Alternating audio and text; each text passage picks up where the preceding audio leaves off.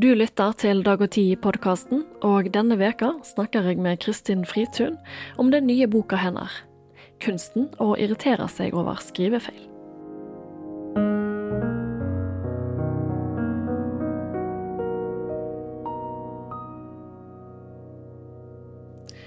Velkommen, Kristin Fritun.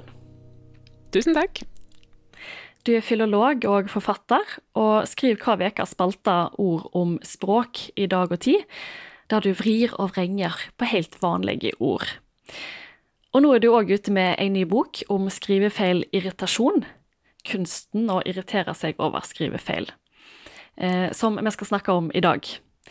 Eh, Tove Bull hun har meldt eh, denne boka i Dag og Tid, og hun åpner meldinga med å spørre hvem andre enn Kristin Fritun ville finne på å kalle ei bok 'Kunsten å irritere seg over skrivefeil'.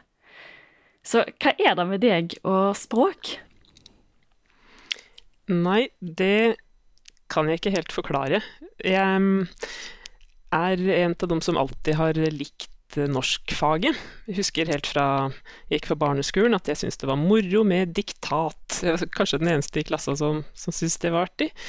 Og, og har også likt både litteraturdelen og språkdelen i norskfaget. Og eh, jeg har vel faktisk flere studiepoeng i litteratur enn språk, men så er det språk, å skrive om språk som har blitt min, eh, min greie, da.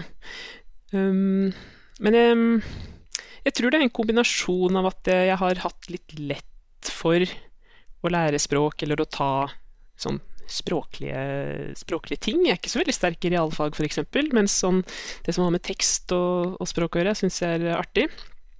Og så eh, blir det jo bare mer interessant jo mer jeg lærer. Men det er jo eh, også sånn at jeg, jeg, føler ikke at jeg er utlært, eller at jeg er ferdig. Det er jo alltid mer, eh, mer å lære og mer å skrive om. Og jeg er òg veldig glad i Og det er jo dette prosjektet her et eksempel på, glad i å ta sånne fenomen som vi kanskje har lett for å oppfatte som litt sjølsagt eller mm. ikke så spennende, og så prøve å nærme seg dem fra en ny kant.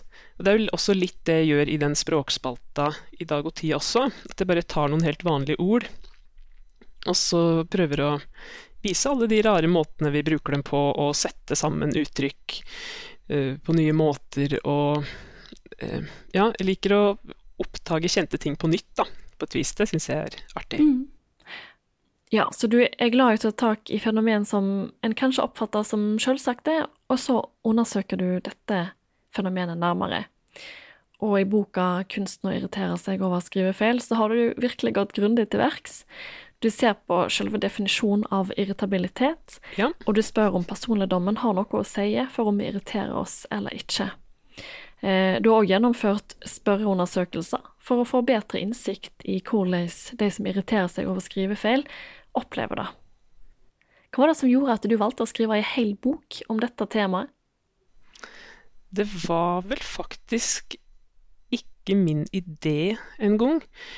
Jeg vil si at start, startskuddet gikk på litteraturfestivalen på Lillehammer i 2018 fordi at da skulle jeg holde en sånn såkalt folketale, som er et sånn gratisarrangement. Det er ti minutts innlegg i parken.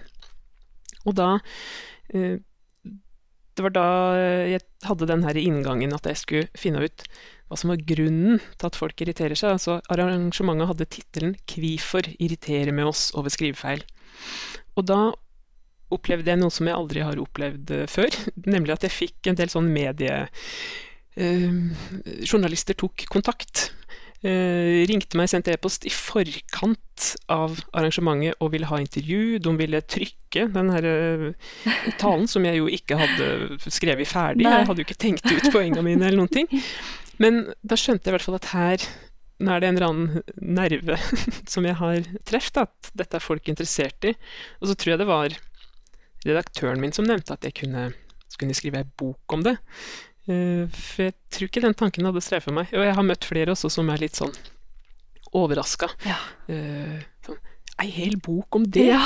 Men det, det, var ikke noe problem. Uh, jeg kunne ha skrevet om mange flere ting enn jeg har trukket inn, tror jeg. Mm. Jeg har på ingen måte dekt hele fenomenet. Nei. Jeg syns du har dekket det ganske bra. Med, du har et ganske langt kapittel om psykologien bak, som jeg nevnte. Men ja, for å gå litt mer spesifikt til verks, da. Når jeg først begynte å lese boka, så tenkte jeg sånn alle irriterer seg vel egentlig litt over skrivefeil. Det er jo irriterende når du leser et kommentarfelt og folk ikke kan skrive skikkelig. Men det viser seg jo at det er jo ikke alle som irriterer seg eh, like sterkt, i alle fall over skrivefeil. Så Ja, jeg tror du har rett i at det er mange som, som i hvert fall irriterer seg litt, og at eh, mange har eh, en liksom bit av det. Men jeg har også jeg fikk litt ulike folk til å lese manusutkast, og da var det ei av dem som sa sånn Irriterer folk seg så veldig? For det, i hennes krets så var det ikke så mange som gjorde det, så hun lurte på om jeg blåste opp dette fenomenet, da. Eh, og kanskje har jeg gjort det også, men eh, For det kan jo hende at jeg, som jo leser mange kommentarfelt som handler om språk, har inntrykk av at irritasjonen er mer utbredt enn han er, men eh, ja Jeg tror han er ganske utbredt. Og jeg har også et av, et av de viktigste poengene i boka er at de som irriterer seg, er ei så veldig sammensett gruppe. Du har Vi kan si at i den ene enden så har vi de mest ekstreme, og det er sånne som ikke egentlig er interessert i språk, men de er interessert i den posisjonen de kan få gjennom å vise at de er flinke i språk. Og disse her er ganske høglytte vil jeg si. Gjør mye ut av seg. Um, og en del av de som irriterer seg, er redde for å bli assosiert med disse andre. Altså, de lar kanskje være å uttrykke irritasjon, for de vil ikke bli tatt for å være sånne bedrevitere. Ja. Så det er noe, også noe med åssen vi ønsker å framstå, da. Men i den andre enden så har vi jo kanskje de som irriterer seg, men som aldri ville finne på å si det høyt. De syns kanskje at det er litt flaut eller skamfullt at de irriterer seg. De skulle ønske de ikke gjorde det. Altså, de har mange vanskelige kjensler knytta til irritasjonen. Så, og, så, det er jo da Så har du alt imellom der, da. Noen som kanskje uttrykker irritasjon av og til. Noen som kanskje sender e-post til journalister som skriver feil, men de er nøye med å formulere seg veldig fint og skryte litt først, kanskje. Så det er kjempemange varianter her. Mm. Men hva slags skrivefeil er det folk irriterer seg over? Ja, dette er jo Her, her er det mye å si. Og ja. jeg har jo nå I, i tittelen så har jeg jo brukt det å irriteres over skrivefeil, men jeg har jo òg i boka tatt med en del andre ting som vi kanskje heller kan kalle for ukorrekt språk. Sånn som å bruke et uh, uttrykk på en måte folk oppfatter som feil. La oss si at du bruker ordet måte uten å henge på på til slutt. Dette er den rette måten å gjøre det, kan jo noen si. Mm. Og da vil jo andre helt sånn På! Gjøre det på! Ja. um, og, det, og, det, er et vanlig mer og mer vanlig irritasjonsmoment, tror jeg. Men det er noen ting som går att på de listene folk ofte har over ting de irriterer seg over.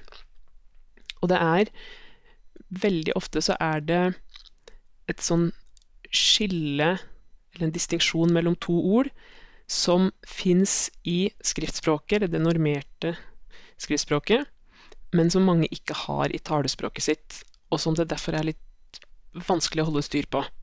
Og her er um, um, da og når er et eksempel. At uh, mange har ikke, har ikke noe sånn systematisk skille her. De bruker når til alt når jeg var på butikken i stad, sier de. Det, bare, det faller helt naturlig, fordi den grammatikken de har inni huet, sier at når kan brukes til alt. Så det er nå én ting. Og så er det sånn som lenger og lengre. Der er det også mange som ikke skiller mellom det, og som sliter med å bruke rett form i rett situasjon. Så har du også sånne irritasjonsmoment som, som bare har med skrift å gjøre, f.eks. særskrivingsfeil. Eller det blir jo ofte kalt orddelingsfeil. Og det kan jo bli morsomt, altså sånne feil. Det er jo han André Ulvesæter, er det vel, som har laga noen ganske artige bøker eh, der han tar bilder, da. Eksempel eh, røykfritt blir røykfritt. Det er jo helt, det helt motsatte av det du prøver å si. Så det er jo også en del komikk her. Um, ja.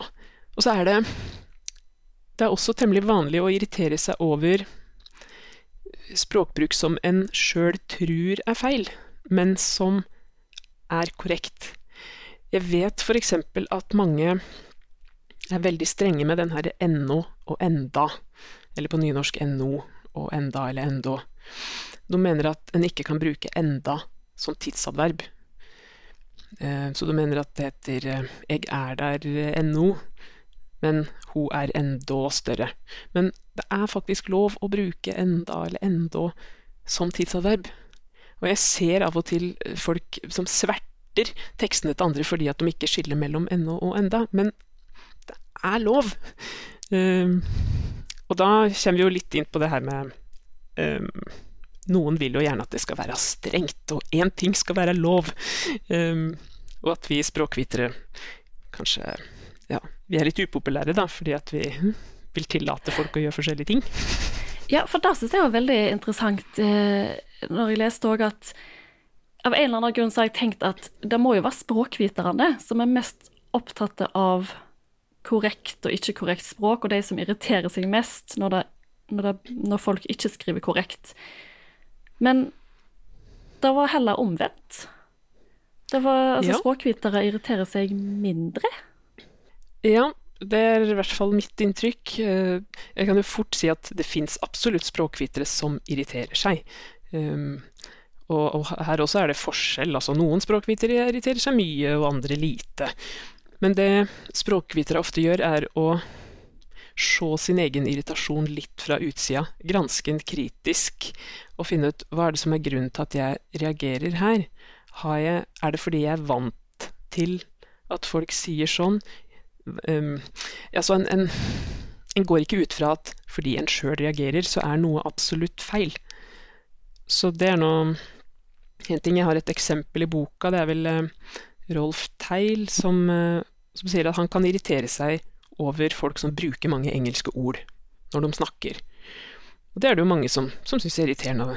Uh, så sier han også samtidig så greier han å se at han har er, han er vennligere innstilt til engelske ord som var i norsk allerede da han var liten. De orda reagerer han ikke så mye på, så han prøver å, å ikke, ikke, vurdere språket liksom, med seg sjøl som utgangspunkt eller fasit, men å Ja. Um, så, så det er det ene. Men jeg tror veldig mange språkvitere har vært Altså, mange språkvitere er interessert i normeringshistorie, i rettskriving, og kanskje til og med språkinteressa de starta med en interesse for rettskriving, f.eks. Men jo mer en lærer om språk, jo mer eh, nyansert og variert blir språksynet. Det sirkulerer noen forestillinger i kulturen vår om at skriftspråket er det egentlige språket, eller det beste språket. Folk kan finne på å si eh, ja, på norsk så heter det egentlig jente, men jeg sier jinte. Det du sier der, er at det fins noe mer egentlig, noe mer ordentlig norsk. Og, og den liksom, rangeringa der tror jeg mange språkvitere ikke vil være med på. Altså, De mener at vi skal ha rettskriving som definerer hva som er innafor og utafor. Vi må ha noen felles kjøreregler. Eh, men det at noen ikke skriver helt i tråd med de reglene, betyr ikke nødvendigvis at det er dårlig språk. Det er bare utafor rettskrivinga. Eh, og mange vil jo, særlig folk da som kanskje har brukt tid på å lære seg en regel, kanskje en regel som er litt vanskelig, hvis de har brukt tid og krefter på det, endelig fått det på stell, så kan det være ganske ubehagelig hvis en språkviter sier sånn ja, men det er ikke så nøye. Fordi at det kan føles som at ens egen um, innsats var fåfengt. At um, en føler kanskje at her har jeg lagt ned en innsats, og så, så, var det ikke så viktig. Og noen har jo det å være god i språk, eller god i rettskriving, at det er en viktig del av sjølbildet deres. Kanskje har de også det er Mange arbeidsplasser har en sånn Ja, det er, det er Else som er språkviteren her. Altså, en får en, ja. en har en litt sånn litt overordna rolle, da, i kraft av at den kan skrive. Og hvis da de her mm. språkvitere sier sånn Nei, det er ikke så farlig, så, så kan det ja, kjennes litt truende, nesten. da. At det synet en har hatt på seg sjøl, og den rolla en har hatt, er litt ja, står i fare. Så mange vil jo da heller venne seg til de som jeg kaller for preskriptivister. Det er det de blir omtalt som i litteraturen, de som er veldig opptatt av hva som er rett og åssen ting skal være. Fordi at preskriptivisten er ofte ute med, med pekefingeren og vil kanskje irettesette de språkbrukere som er såkalt slappe og late. Um, så det er jo mange som syns at ja, eksempel uh, Per Egil Hegge eller Finn-Erik Vinje. De vil heller uh, synes at de har mer å fare med enn det for eksempel jeg har. Såpass, ja. Men um, det du var inne på òg uh, i, i, boka di, var jo at um, veldig mange som irriterer seg over skrivefeil, de, og føler at de må rette på de som ikke skriver korrekt, at de har et slags De må på en måte beskytte språket for at det ikke skal bli ødelagt. Og ja. er det fare for at språket skal bli ødelagt? Har disse som retter på andre, en viktig funksjon? Ja, dette er jo et av de spørsmåla som jeg kanskje ikke svarer godt nok på i boka, eller som jeg syns det er vanskelig å svare på. Fordi at um, dersom mange folk uh, lar være å følge rettskrivinga, så vil jo uh, Så vil jo noe endre seg. Uh, så det en kan jo si at det har et eller annet for seg der. Men et annet viktig poeng er at denne her ideen om at språket er i forfall eller i fare, og vi må passe på det gjennom å få andre språkbrukere til å følge et sett med regler, den tanken er ganske ny. Og det lærer vi ikke så mye om eh, i norsktimene. For veldig mye av den språkhistoria som dreier seg om normering og rettskriving, den starter på 1800-tallet. Eh, er i hvert fall uh, mitt inntrykk, her får uh, norsklærere rope ut hvis jeg tar feil, at en, en, starter med at vi hadde dansk i Norge, så var spørsmålet hva skal vi skrive? Men i hundreåra før, altså si mellom 1500 og 1800, så skjedde det veldig mye på skriftspråksfronten. Og én ting er jo at skriftspråket fikk ei, ei anna rolle. Altså, folk på 1500-tallet skrev ikke så mye som folk flest gjør i dag, så vi kan ikke sammenligne helt. Men um, for uh, 800-700-600 år siden så var ikke folk så opptatt av språklig variasjon.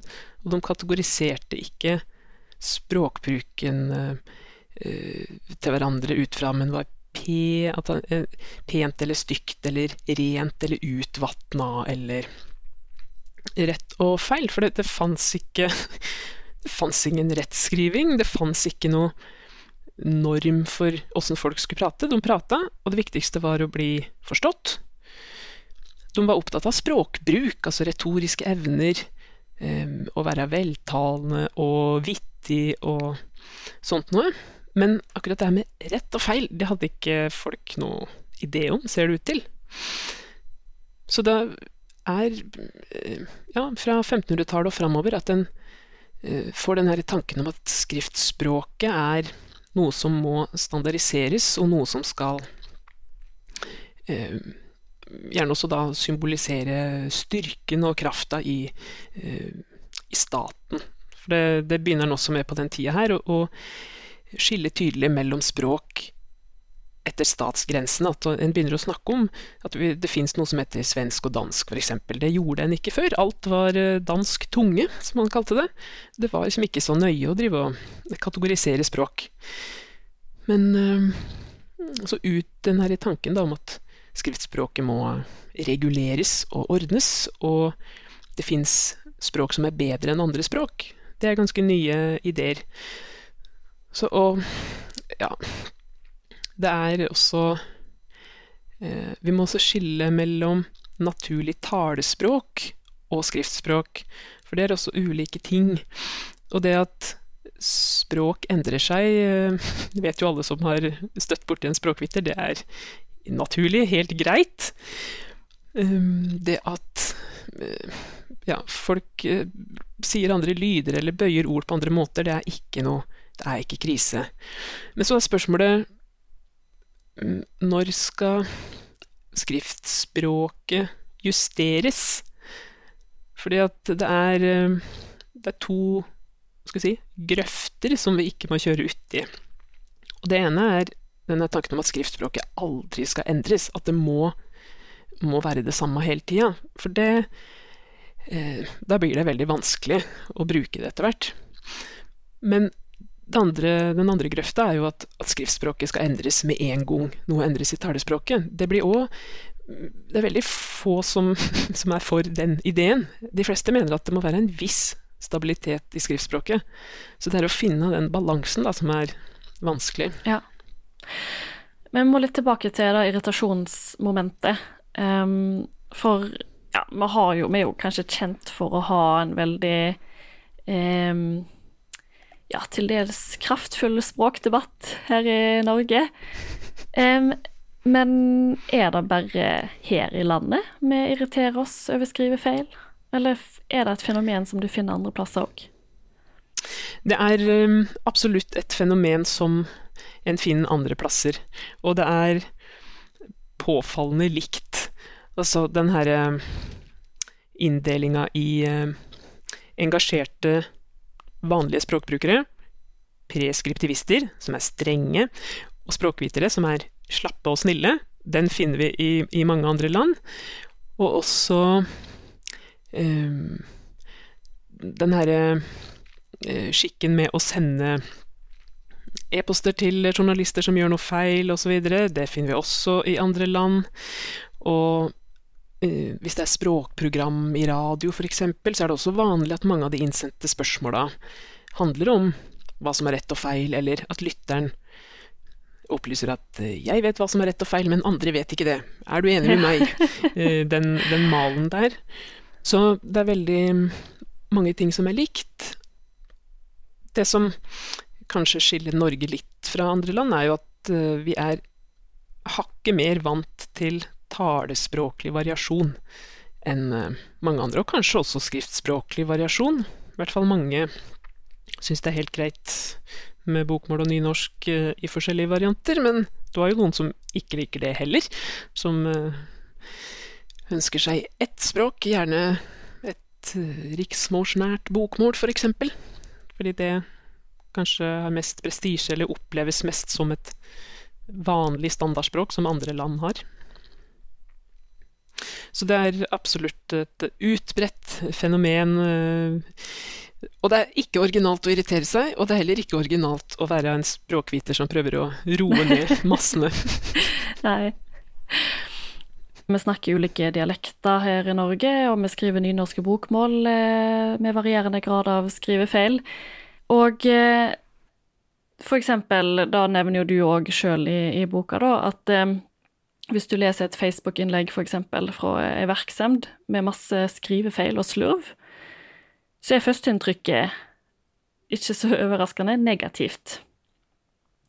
Og at vi òg har en tendens til å ikke bare se på skrivefeilen, men vi ser òg på personen bak skrivefeilen. Og har vi noe grunnlag for å gjøre vurdering av denne virksomheten eller denne personen på bakgrunn av skrivefeil og slurv? Ja, her er vi jo inne på noe som er ganske viktig, nemlig at måten vi formulerer oss på skriftlig, den øh, gjør at vi blir tolka på en viss måte. Altså det handler om ja, nettopp å gjøre inntrykk. Eh, virker man troverdig og ordentlig? Har en ting på stell, eller er det litt sånn eh, ja, ymse? Og, og den studien du viser til, der har jo to verksteder blitt jamført. og Den ene drev med noe som er viktig, det var vel førstehjelp, altså førstehjelpskurs. Og den andre driver med noe som folk kanskje oppfatter som mindre viktig, nemlig sånn teambuilding-tjenester. Altså noe som er litt mer gøy og moro da, enn førstehjelp, som er alvorlig. Og det viste seg at folk uh, de tolka skrivefeila i verksemda, altså tekster til den verksemda som drev med førstehjelp, de ble oppfatta som eh, mer illevarslende. Altså det var verre at ei verksendt som drev på med noe viktig, hadde skrivefeil, enn ei verksendt som drev med på noe litt sånn, noe litt artig. Og dette ser jeg for meg også eh, kan gjelde andre verksender. Altså en sånn lokal eh, blommebutikk eller kafé. At det, der er det litt litt greiere at de har skrivefeil, enn hvis det er, eh, si eh, Sjukehuset i byen, eller banken, eller eh, NRK. Og det Det handler også om at, at, det å skrive rett, det oppfatter vi som et, det er et kvalitetstegn. Det sier noe om at du, du har kunnskaper, du er nøye, du ja, tar deg tid til å gjøre ting ordentlig. Så, så, det er veldig forståelig også at vi resonnerer på den måten, og særlig dersom den eneste kjennskapen vi har til virksomheten eller personen, er det skriftstykket vi har framfor oss, for da er det liksom den, den ene informasjonen vi har. Um, men jeg vil jo Jeg tror mange greier å, å holde tunga beint i munnen, da. Men jeg vil òg at vi skal være litt forsiktige med å tenke at bare fordi en person har noen skrivefeil, så er vedkommende udugelig på, på alle områder.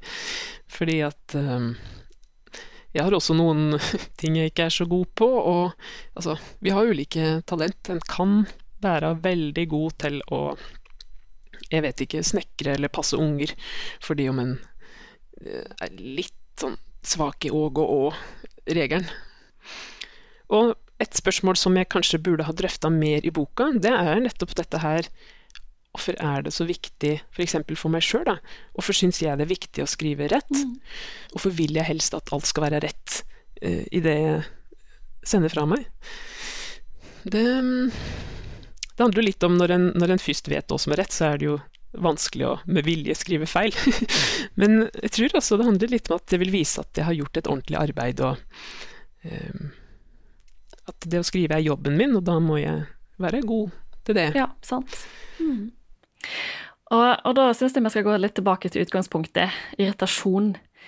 Um, har du sjøl irritert deg, eller irriterer du deg sjøl over skrivefeil?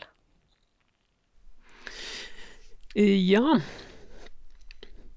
Jeg er et eksempel på at irritasjonen kan endre seg gjennom livet. Ja. en kan ha irritable faser. Um, fordi at jeg var nok uh, temmelig irritabel da jeg gikk ja, på videregående, på starten av uh, studietida mi. Det vil si, da var jeg tidlig i 20-åra.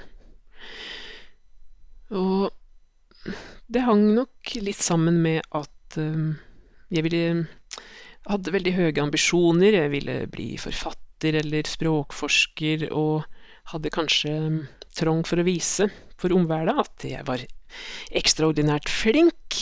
Og um, Så det å irritere seg var også uh, en måte å løfte meg sjøl litt opp på.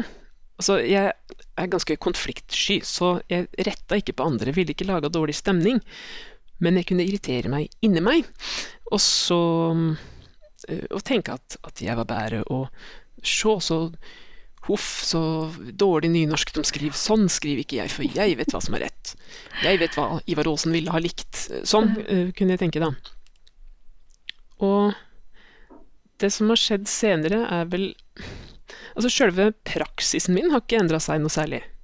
Jeg skriver um, nynorsk på, på, mye den samme måten, mm. men jeg har ikke så sterk trang for å vise at jeg er best, eller jeg mener ikke nødvendigvis at min måte å skrive på er bedre enn de andre sin. Og i boka så undersøker jeg hvorfor er det slik.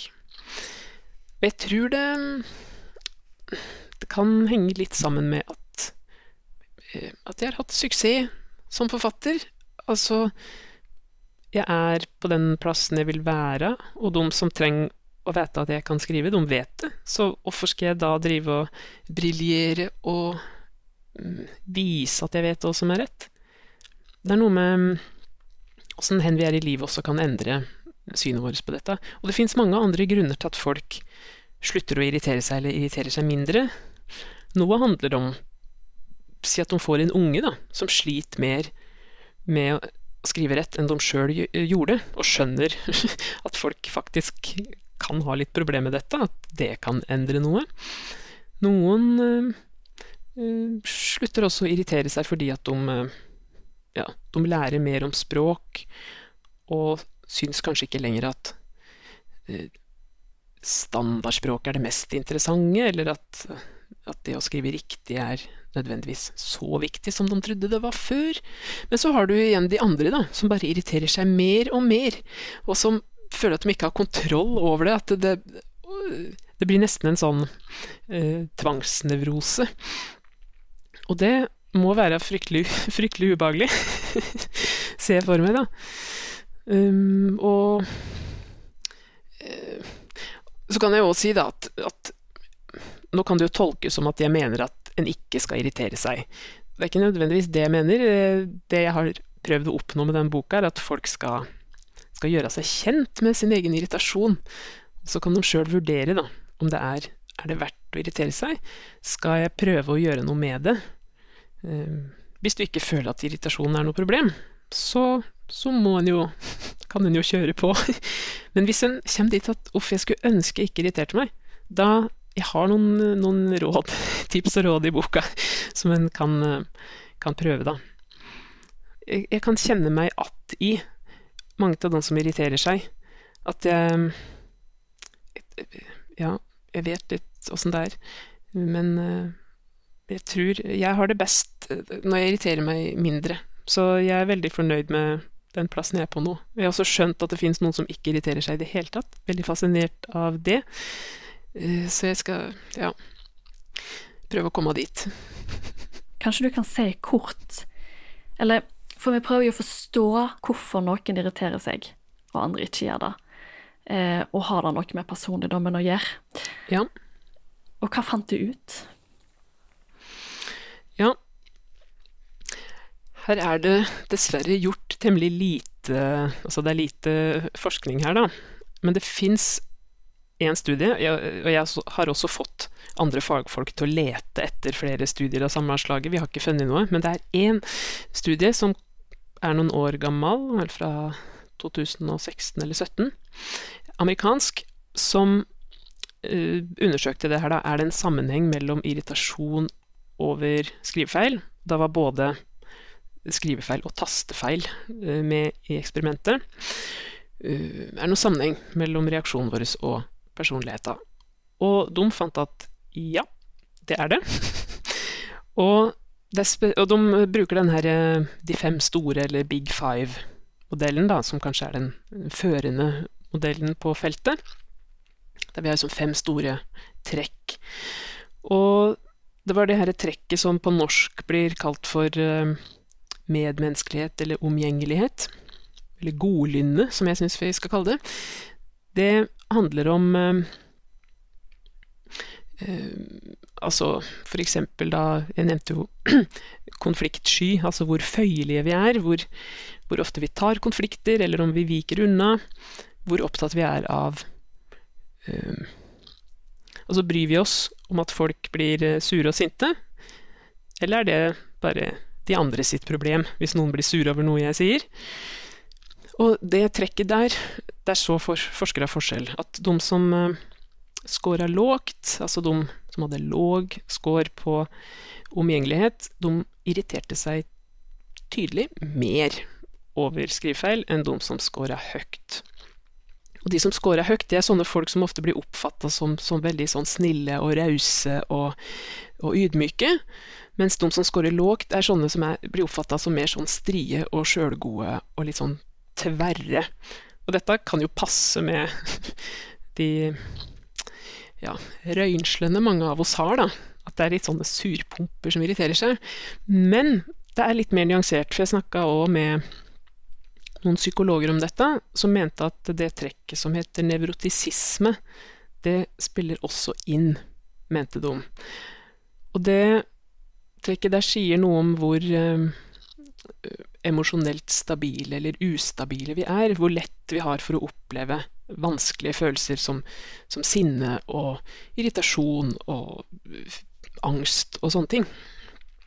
Og eh, de som scorer høyt her, som er litt sånn oppkava folk, opptatt av at ting må være nøye, ting må gjøres sånn som jeg mener at det er best, de har lettere for å irritere seg, mens de som er, har så stor indre ro, er trygge i livet, er ikke så har ikke så mye agg og bitterhet i seg, syns det er helt greit at folk gjør ting på en annen måte enn de sjøl ville gjort. De har ikke så lett for å irritere seg. Så, eh, så det er litt sammensett, da.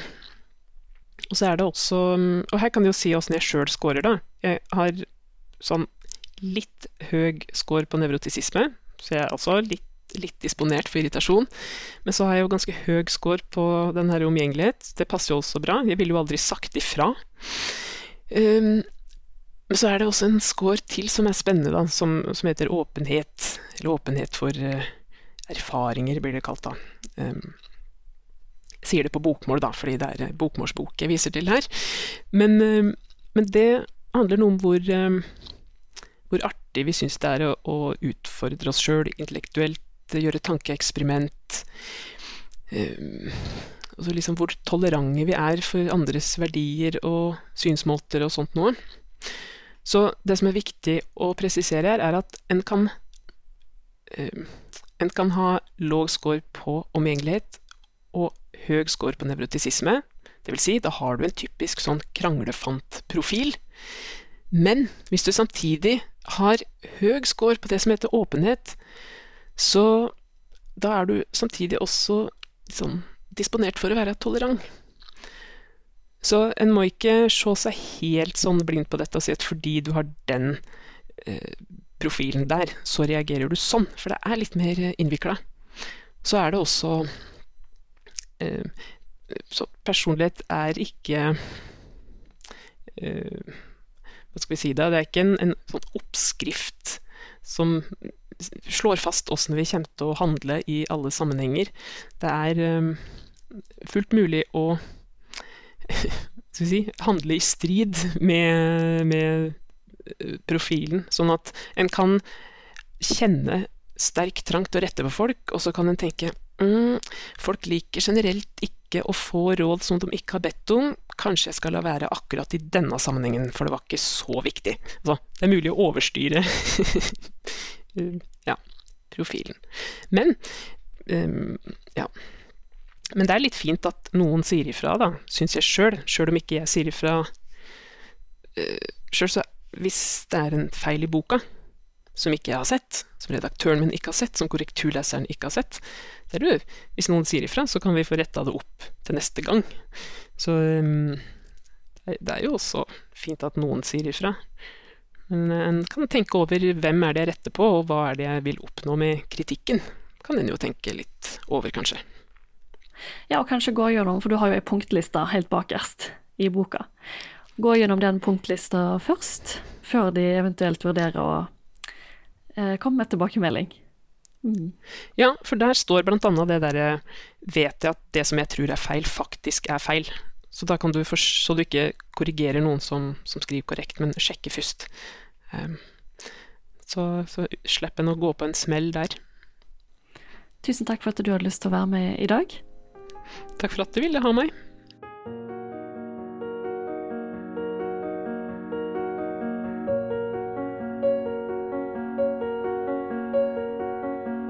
Du lytter til Dag og Tid-podkasten. I studio i dag var jeg, Sofie Mai Rånes. Språkspalta til Kristin Fritun, Ord om språk, kan du lese i Dag og Tid hver uke. Har du tilbakemeldinger på podkasten vår? Send en e-post til sofie1dagogti.no. Vi er tilbake neste uke. Takk for at du lytta.